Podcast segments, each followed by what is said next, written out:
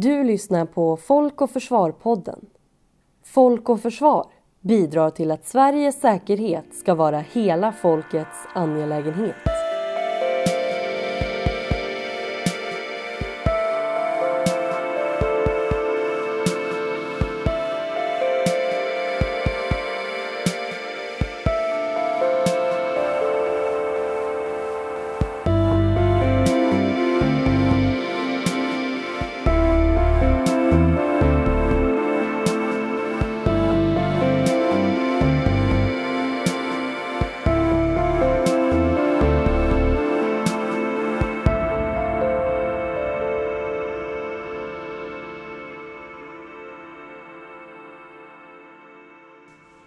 Få länder har varit lika krigsdrabbade som Afghanistan. Förra året uppskattades det att fler människor dog av våld i Afghanistan än i någon annan plats i världen. Sedan den sovjetiska invasionen i slutet av 1970-talet har det med få uppehåll pågått väpnade konflikter i det centralasiatiska landet med enormt mänskligt lidande som följd. Sedan 11 september-attackerna 2001 har en USA-ledd internationell koalition under FN-mandat verkat i Afghanistan. Sverige hade ett stort styrkebidrag till den så kallade ISAF-insatsen och har fortfarande ett antal militära rådgivare på plats i Afghanistan. Därutöver är Sverige också en stor biståndsgivare till Afghanistan. Tidigare i år kulminerade ett par års förhandlingar mellan USA och talibanerna i ett avtal där amerikanerna åtar sig att ta tillbaka sina styrkor utbyte mot att talibanerna garanterar att ingen terrorgrupp ska ges fristad i Afghanistan. Det återstår dock fortfarande förhandlingar mellan regeringen i Kabul och talibanerna för en hållbar fred. Hur kan en fredslösning mellan parterna se ut? Hur inkluderande är fredsprocessen? Vad för konsekvenser kan ett tillbakadragande av internationella styrkor ha för situationen i Afghanistan? Vilket inflytande har Sverige på situationen i Afghanistan? Dessa och andra frågor diskuteras i detta avsnitt av Folk och Försvar-podden. Till vår hjälp har vi Jan Hallenberg som är expert på amerikansk säkerhetspolitik och verksam vid Utrikespolitiska institutet. Admir Skodo, forskare vid Lunds universitet. Och slutligen Andreas Stefansson, generalsekreterare hos Svenska Afghanistankommittén.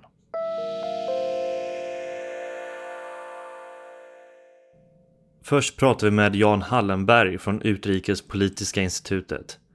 Jan, hur kommer det sig att Afghanistan har varit så viktigt för amerikansk säkerhetspolitik? Därför att det var i Afghanistan som attackerna den 11 september mot New York och Washington planerades. Eh, då var talibanerna regeringen i Afghanistan och de tillät al-Qaida att verka i Afghanistan och tillät al-Qaida att planera och sedermera genomföra de här attackerna. Därför var det nödvändigt för USA att straffa talibanerna när de vägrade lämna ut al-Qaida. Och eh, till en början så var det då ett ganska stort engagemang bland amerikanska politiker att störta talibanregeringen, vilket också skedde väldigt snabbt. Men sedan efter något år så avtog det amerikanska intresset, framförallt Bush-administrationens intresse för Afghanistan eftersom det blev Irak som blev det viktigaste Eh, säkerhetspolitiska åtagandet. Så att amerikanskt engagemang för Afghanistan avtog. Och sen tog det fart igen när USA började lämna Afghan förlåt, Irak systematiskt, successivt. När Obama tillträdde i januari 2009 så sa han ju att Irakkriget var felaktigt medan man, han menade att Afghanistan var ett riktigt krig för USA. Och han satsade väldigt mycket trupper under en 18 månader i Afghanistan. Skickade upp till 100 000 amerikanska soldater. Som verkligen slogs i Afghanistan på ett sätt som inte har skett under någon annan period sedan det här började i oktober 2001. Men han drog tillbaka styrkorna efter 18 månader och talibanerna var fortfarande inte besegrade när striderna fortsätter. Och successivt har då Afghanistanfrågan sjunkit i USA. Och Trump är ju ett uttryck för det här. Vi kan inte ha, vi vill inte ha eviga krig i Mellanöstern. Det kostar för mycket pengar, det kostar för mycket blod. Och därför har nu president Trump bestämt sig för att dra tillbaka amerikanska styrkor från Afghanistan. Och det finns ganska lite motstånd mot detta. Det finns ett motstånd i vissa säkerhetspolitiska kretsar som tycker att USA riskerar att överge en allierad. Men, men liksom publikt är detta nu en ganska liten fråga i USA.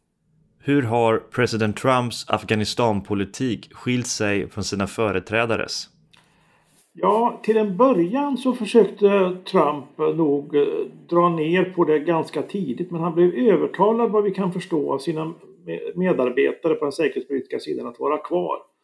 Och då inledde han en väldigt kraftig bombning. Amerikanska flygplan har nog bombat mer i Afghanistan än kanske under någon period under de här 18 och ett halvt åren tidigare. Och vad vi kan förstå, vad jag kan förstå, så har det dödat ett stort antal talibaner.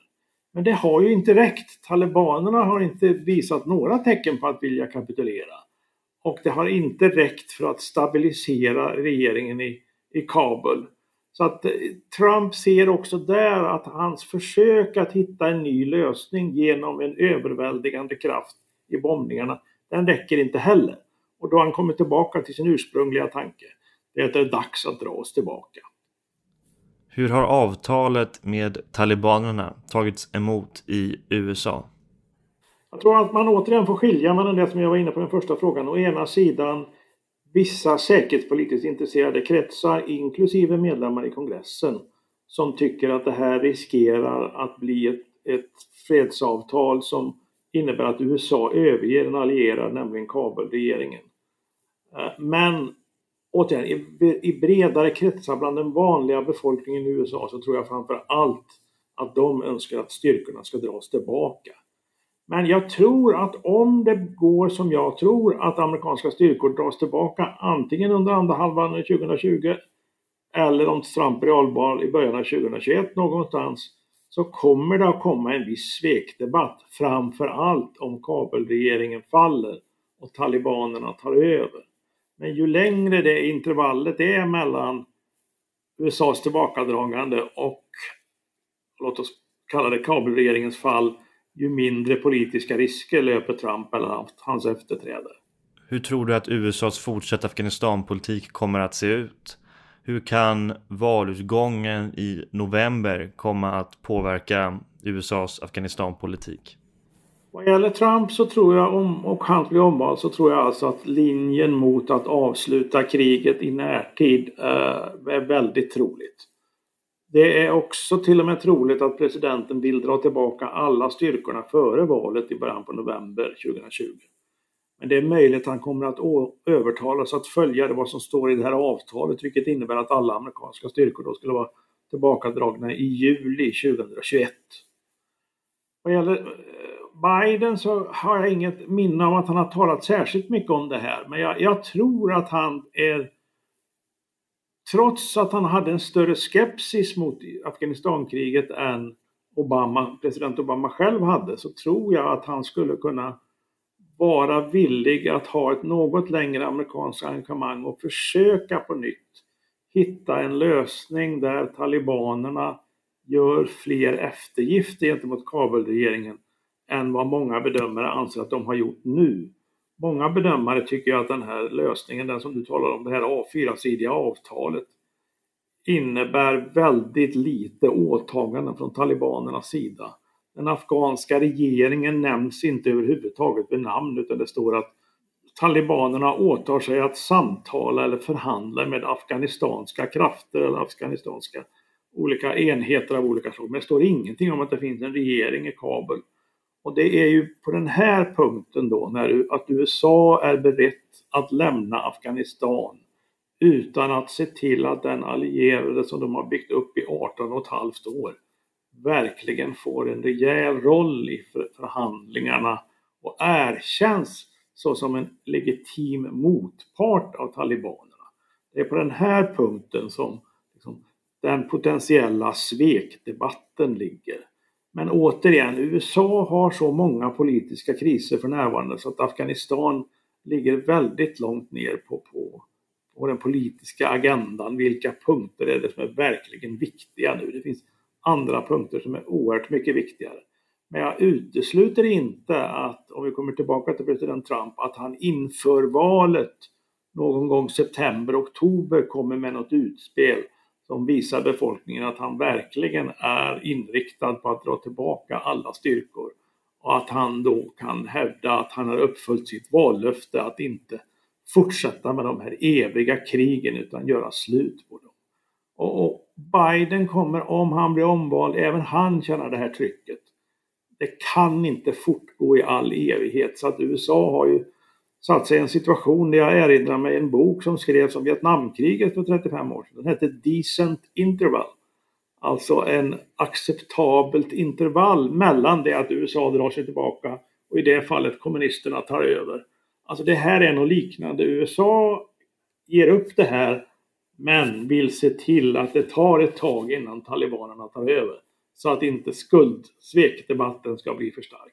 Jag tycker det där uttrycket decent interval är ett väldigt eh, passande uttryck även för den amerikanska strategin vad gäller Afghanistan som jag kan se det nu. Och jag tror inte att Biden skulle ändra den i någon väsentlig utsträckning.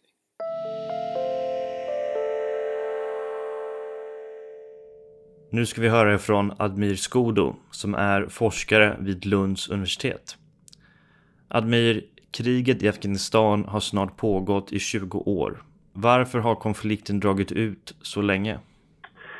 Uh, ja, det, det, finns ju många skäl till det, tror jag. Uh, men ett, ett viktigt skäl är um, extremt otydliga och sinsemellan motsägande mål från USAs sida, men också från andra länders sida och det inkluderar Sverige.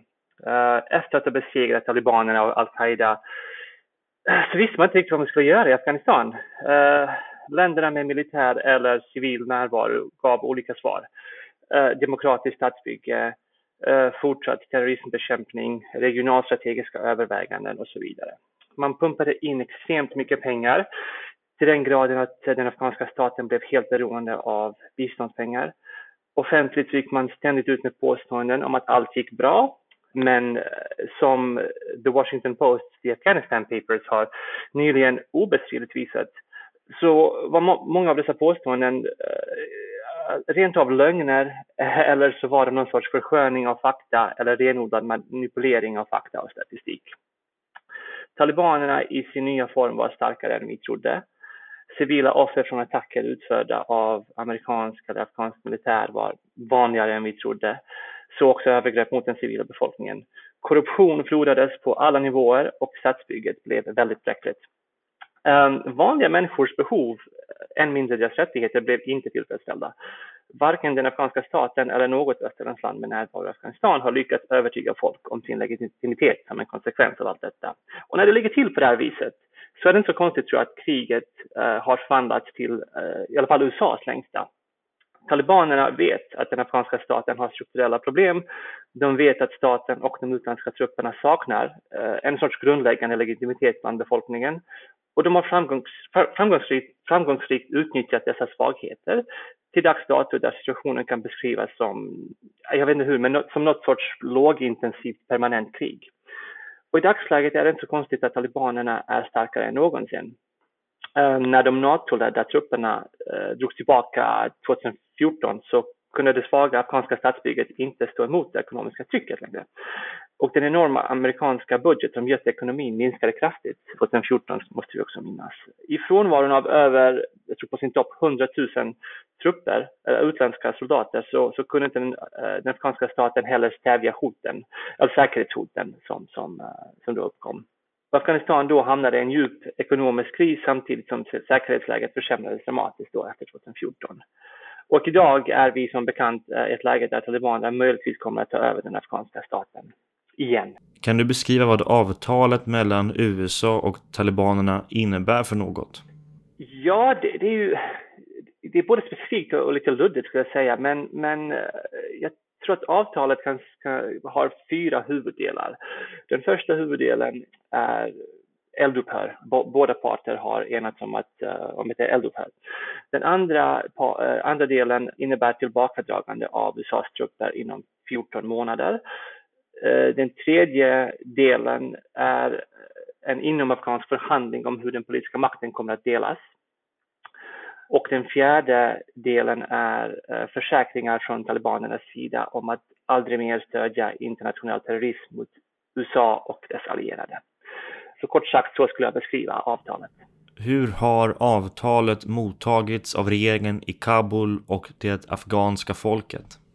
Det är en bra fråga, men också en komplicerad fråga. Jag, de flesta afghaner vill se fred, det är helt klart. Tror jag. Det blir lite mer komplicerat när man bryter ner åsikterna och känslorna efter etnicitet, kön och religionstillhörighet. Talibanerna är väsentligen en pashtunsk rörelse skulle jag säga. Så det är inte konstigt att personer är de mest vänligt inställda till avtalet. Eller de ser åtminstone hopp i och med avtalet. Men andra grupper, inte minst hazarerna, är mycket mer skeptiska. Uh, hazarerna som är uh, shia-muslimer, eller de flesta är shia-muslimer, uh, de ses som kättare av talibanerna som bekänner sig till uh, sunni-islam. Och talibanerna utförde flera massakrer mot, mot hazarerna under sin tid vid makten. Så man kan förstå varför hazarerna tvivlar. Uh, många kvinnor är också rädda för en återgång till uh, ett strikt fundamentalistiskt samhälle där de inte har väsentliga friheter och rättigheter. Talibanerna uh, från sin sida har försökt blidka alla dessa skeptiker, men de insisterar fortfarande att de kan vara mer toleranta mot minoriteter och mer öppna för kvinnlig närvaro och deltagande i politiken. Eh, men de insisterar fortfarande att allt detta kan ske inom deras tolkning av, av islam och ett, eh, ja, väsentligen en sorts teokrati, ett teokratiskt samhälle. Vad är utsikterna för en hållbar fredslösning i Afghanistan? Det känns som att historien upprepar sig här, eller den rimmar rättare sagt. Eh, de pågående samtalen, eller ja, de pågående samtalen, det pågående ramverket då, det bygger på de samtal som, föd, som fördes av mellan talibanerna och den första Obama-administrationen. Då var samtalen hemliga, men dynamiken i de samtalen liknar dagens. Då antog USA att det, det, fanns, eller det finns en sorts moderat falang inom talibanerna eh, vicepresident Joe Biden som deltog i de första samtalen ansåg i en intervju från 2009 att 70 procent av talibanernas soldater strider endast för att de inte har ett bättre ekonomiskt alternativ. De tror inte på ideologin och om de fick andra ekonomiska möjligheter skulle de glatt avväpna och bli uh, en del av det nya afghanska samhället. Idag bygger samtalen på en liknande premiss. Rex Tillerson, under en tid Trumps uh, utrikesminister, upprepade 2017 Bidens övertygelse om att det finns en moderat talibangruppering och att USA borde föra samtal med den. För en sådan kan tala om kvinnors rättigheter, demokrati och så vidare. Talibanerna har, har det senaste året släppt flera offentliga uttalanden där de försöker framställa sig själva som moderata och kompromissvilliga. I ett uttalande från december 2018 sa eh, en av talibanernas främsta talespersoner att eh, om freden kommer eh, så kommer talibanernas eh, återkomst inte att ske på samma hårda sätt som, eh, som 1996 eh, då de kom till makten första gången. Under de hemliga samtalen talade parterna om att USA skulle dra sig ur Afghanistan om talibanerna gick med på att aldrig mer stödja terrorism. Och detta är också huvudpunkten för USA idag under Trump. Men de hemliga samtalen under Obama kollapsade och de pågående samtalen har kollapsat flera gånger. Talibanerna, den afghanska militären med amerikanskt stöd fortsätter att utföra attacker som ofta drabbar civila hårdast. Men även om en fred kommer till stånd så är det svårt att se, i alla fall från min sida, hur man skulle kunna undvika ett nytt, nytt krig eftersom de olika politiska grupperingarna som finns i, idag i Afghanistans regering är långt ifrån eniga om, om allt möjligt. Och detta är en splittring som jag tror att talibanerna skulle kunna utnyttja för att befästa sin makt och detta skulle kunna utlösa ett, ett, ett nytt inbördeskrig. Och en sista fråga Admir. Vad kan det internationella samfundet och inte minst Sverige göra långsiktigt för Afghanistan? Kan vi göra något för att påverka utvecklingen i landet? Du, det är en, det är en bra, riktigt bra fråga, Zebulon, men en väldigt svår fråga. Jag, jag ser problem, alltså problemet från, min, från mitt perspektiv är att USA har på egen hand nu tagit tag i den här processen och det är helt uppenbart att de har exkluderat Eh, de har exkluderat EU, de har exkluderat enskilda länder som Sverige och så. Och de är ju helt klart den viktigaste parten här eh, från, från västsida. EU och Sverige har kommit ut med flera uttalanden och där de insisterar att uh, en fred är ju en lösning som alla vill se såklart. Men, uh, men det måste inte ske på bekostnad av de rättigheter och friheter som, som, har, som, som har vunnits för merparten av befolkningen. Um, Eh, efter 2001 då. Så jag, jag, tror att om man fortsätter lägga tonvikt på det så nu vet jag inte om det kommer leda till, till något, något, så vet jag faktiskt inte tyvärr, men, men det är det bästa man kan göra tror jag. Uh, tyvärr är jag ganska pessimistisk till att, till att uh, andra länders uh, röst kom, kommer att uh, höras. Eh, uh, för det, det, tycks ju, det tycks ju vara så att det är, det är mest USA och talibaner som, som, som för de här samtalen. Och uh, USAs intresse verkar vara att helt enkelt dra sig tillbaka oavsett konsekvenserna. Slutligen ska vi höra från Andreas Stefansson som är generalsekreterare för Svenska Afghanistankommittén. Andreas, vad är Svenska Afghanistankommittén för något? Vi är eh, proteströrelsen från 1980 som startade under parollen Sovjet ut ur Afghanistan. En protest i Sverige som sen har utvecklats till en folkrörelse med över 3000 medlemmar idag och ett mycket stort utvecklingsbistånd i Afghanistan. Vi har cirka 6000 anställda i Afghanistan. Vi är en av de största arbetsgivarna i landet. Och vår verksamhet eh, syftar till att stärka eh, fattiga människors rättigheter. Då vänder vi oss främst till kvinnor, barn, eh, människor med funktionshinder. Och då jobbar vi med rätten till utbildning. Så vi har cirka 90 000 barn i våra skolor, eh, byskolor, där eh, cirka två tredjedelar är flickor. Vi jobbar med eh, rätten till hälsovård. Då har vi ansvaret för motsvarande ett helt landsting i en provins i Afghanistan där vi når ut till en befolkning på 600 000 människor med sjukhus, kliniker, vaccination, barnmorskekliniker och så vidare. Och vi jobbar med deltagande på landsbygden, alltså eh, människors möjlighet att delta i lokalt beslutsfattande. Så vi arbetar med att mobilisera byråd och eh, facilitera så att de kan liksom genomföra sådana här små byutvecklingsprojekt. Och allt det här eh, syftar till att eh, vi stärker människors, fattiga människors makt över sitt liv och sin, eh, sin samhällsutveckling. Och vår vision lyder som så här att vi kämpar för ett Afghanistan som är fritt från fattigdom, fritt från våld och fritt från diskriminering. Hur bedömer ni situationen i Afghanistan efter avtalet mellan USA och talibanerna? Ja, eh, minst sagt skakigt. Många frågetecken. Avtalet eh, lämnar mycket att önska. Eh, jag anser att det, det, var ett nödvändigt avtal men det, det, är långt från tillräckligt för att verkligen lita på att det kommer igång en, en fredsprocess eh, som alla eh, längtar efter förstås.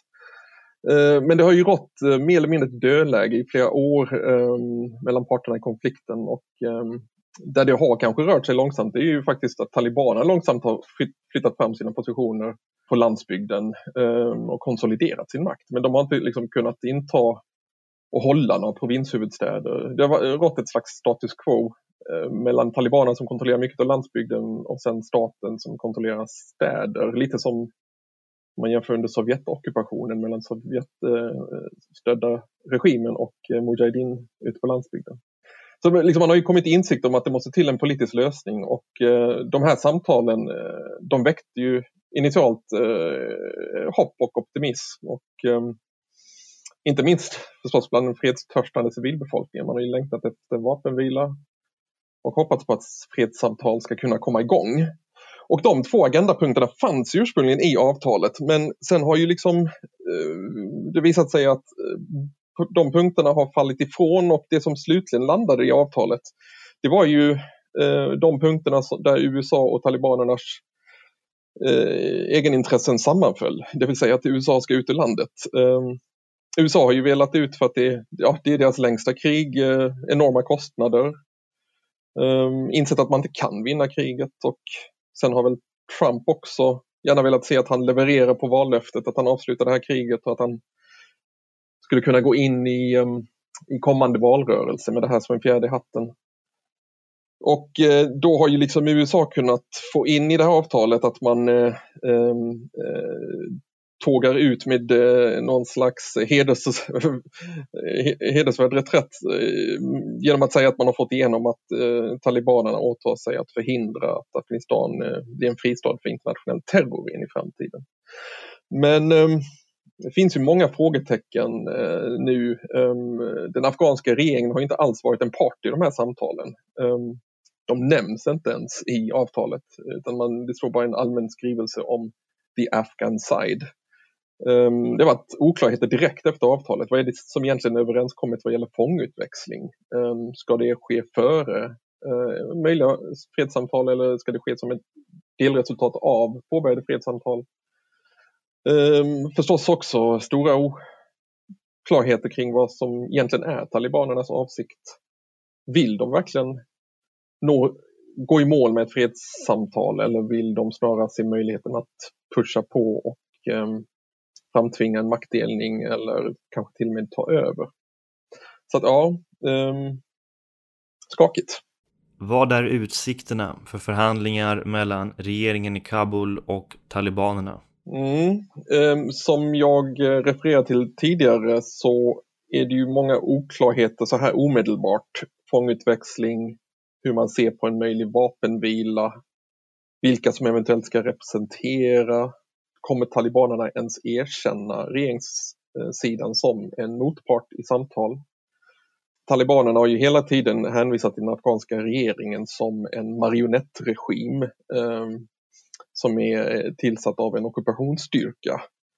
Um, och det är ju frågan om man kommer liksom uh, acceptera att, att, att, afghanska regeringen blir den huvudsakliga motparten. Um, så att Eh, den frågan finns ju där förstås. Sen är det ju frågan eh, om ens talibanerna är uppriktiga med att förhandla. Eh, internt nu så lyder ju deras retorik att de har vunnit så att säga en, en seger eller en delseger i och med att den så kallade ockupationsstyrkan då har åtagit sig att tåga ut. Ehm, och sen ehm, kvarstår ju att se liksom hur pass eniga de egentligen är. För att det är en sak med, med, med de mer kanske moderata eh, representanterna som, som då finns i den politiska eh, delen av eh, deras representation i Doha. Eh, men vi vet ju också att de har eh, hårdnackade eh, hökar så att säga ute i provinserna, krigsherrar och eh, som inte kanske alls är så intresserade av att det faktiskt sker någon slags eh, fredsförhandlingar. Um, men i den här kontexten med 40 år av krig har ju utvecklat ett helt ekosystem av eh, krigsprofitörer.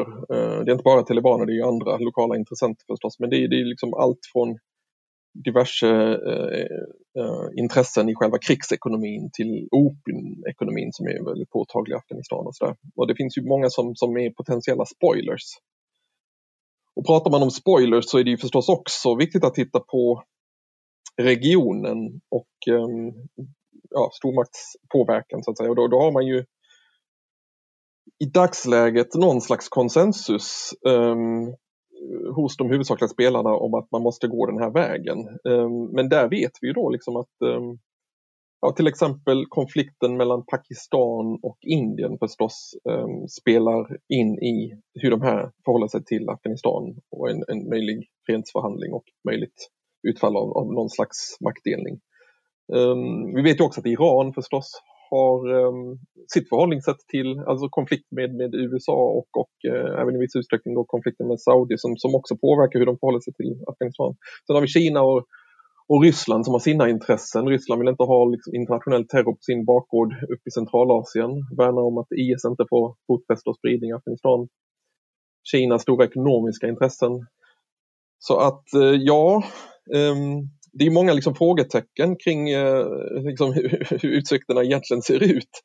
Um, samtidigt skulle jag också vilja påpeka när man pratar om liksom hur, hur landet ser ut att idag um, i kontrast till 90-talet när, när, när, talibanerna tog över då, när de tog över 96. Ehm, landet var ju söndertrasat eh, under 90-talet ehm, efter flera års inbördeskrig och även eh, efter årtiondet med Sovjetockupationen och kriget med Mujahedin. Idag så har det ju ändå skett en utveckling i eh, nu snart två årtionden. Institutioner har byggts upp, säkerhetsstyrkor, hela den apparaturen och ett civilsamhälle som har vuxit fram. Och ehm, du har en hel generation som nu växer fram som är mer eller mindre läs och skrivkunnig. Och, det har också skett en slags organisering i civilsamhället som, som skiljer sig rätt mycket från 90-talet. Så att det finns många krafter som inte vill backa um, på det man har uppnått och kommer vara en påtryckande kraft uh, i möjliga förhandlingar framöver. Och, och um, tänker att det är viktigt att påminna oss om att de måste få höras i en möjlig uh, förhandling och en möjlig fredsprocess. De måste få sina röster hörda och vi måste stödja dessa krafter. Eh, det handlar inte minst om minoriteter, kvinnor, um, människor med funktionshinder, landsbygdsbefolkningen, att, att de faktiskt kommer till tals och får utforma vad som fredsförhandlingarna landar i. Eh, Ända så tänker jag ehm, vi kan hoppas på någon slags bärkraftig bärkraft i fred. Hur bör det internationella samfundet, däribland Sverige, förhålla sig till Afghanistan? Alltså internationella samfundet har ju um, ett väldigt stort åtagande eh, gentemot Afghanistan. Efter talibanernas fall och etablerandet av den nya erkända, eh, internationellt erkända regeringen så har ju Afghanistan åtnjutit ett väldigt stort och långsiktigt eh, stöd. Och, och jag tänker att det är viktigt att uthålligheten finns där hos internationella samfundet att, att fortsätta långsiktigt stödja Eh, både utveckling och, eh, och försök till fred. Så det är både finansiellt men även då politiskt och diplomatiskt. Ehm, skulle man börja dra, dra ner på det nu och eh, överge så att säga så, så, så är det ett dråpslag mot ehm, framförallt de allra mest utsatta. Och ehm, i ett sådant långsiktigt åtagande så är det ju förstås samtidigt viktigt att fortsätta och ställa väldigt tydliga krav. Krav på den afghanska regeringen um, vad gäller reformer, att fortsätta stärka och utveckla eh, mänskliga rättigheter. Och också värna om att man inte ger upp det som har uppnåtts hittills, att det inte får förhandlas bort. Så att eh, det är någonstans viktigt att det fortsatta långsiktiga åtagandet eh, är villkorat. Att, att, eh, framförallt vad gäller det statliga stödet, alltså bilaterala till, till den afghanska staten, att en framtida stat um, ska förväntas efterleva mänskliga rättigheter. Um, vårt stöd, SAKs, eh, Afghanistankommitténs stöd är ju folk till folk. Vi jobbar med de mest utsatta på landsbygden och vårt stöd har um, fortsatt genom olika uh, regimer, vare sig det var talibanregimen eller under uh, tidigare regimer och även förstås nu uh, så har vi ett väldigt stort stöd till afghanska folket. Men jag tänker det, det stödet till den afghanska staten och där, där är det viktigt att, att det här är tydligt också så att säga um, Eh, för talibanerna. Låt säga att de får del av makten, det blir någon slags maktdelning eller de har ett starkt inflytande i makten, att de också ska veta vad som står på spel vad gäller ett långsiktigt eh, stöd. Att skulle det bli en väldigt repressiv regim som de då eventuellt skulle kunna framtvinga så kan det vara till priset av att det här stora åtagandet um, inte kan leverera längre gentemot uh, den afghanska staten. Sen finns det förstås alltså eh, också en möjlighet för Sverige, om vi pratar specifikt det svenska stödet. Sverige har ju kanske inte så mycket inverkan på eh, det säkerhetspolitiska men har ju en väldigt stark och viktig roll i eh, civil utveckling i Afghanistan. Ehm, social utveckling och ehm, där har ju Sverige tillsammans den nordiska eh, givargruppen ett väldigt starkt inflytande och ska förstås eh, värna om att bli en tydlig röst eh, in i framtiden. Och eh, kan ju också förstås verka för att EU fortsätter vara den här starka eh, och pålitliga partnern eh, och, och trycka på för mänskliga rättigheter och även erbjuda diplomatiskt stöd i den fortsatta fredsprocessen.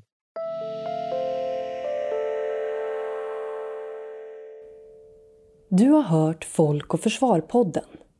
Medverkade gjorde Jan Hallenberg, Admir Skodo och Andreas Stefansson. Podden är skapad av Sebulon Karlander och Maja Jonsson från Folk och Försvar.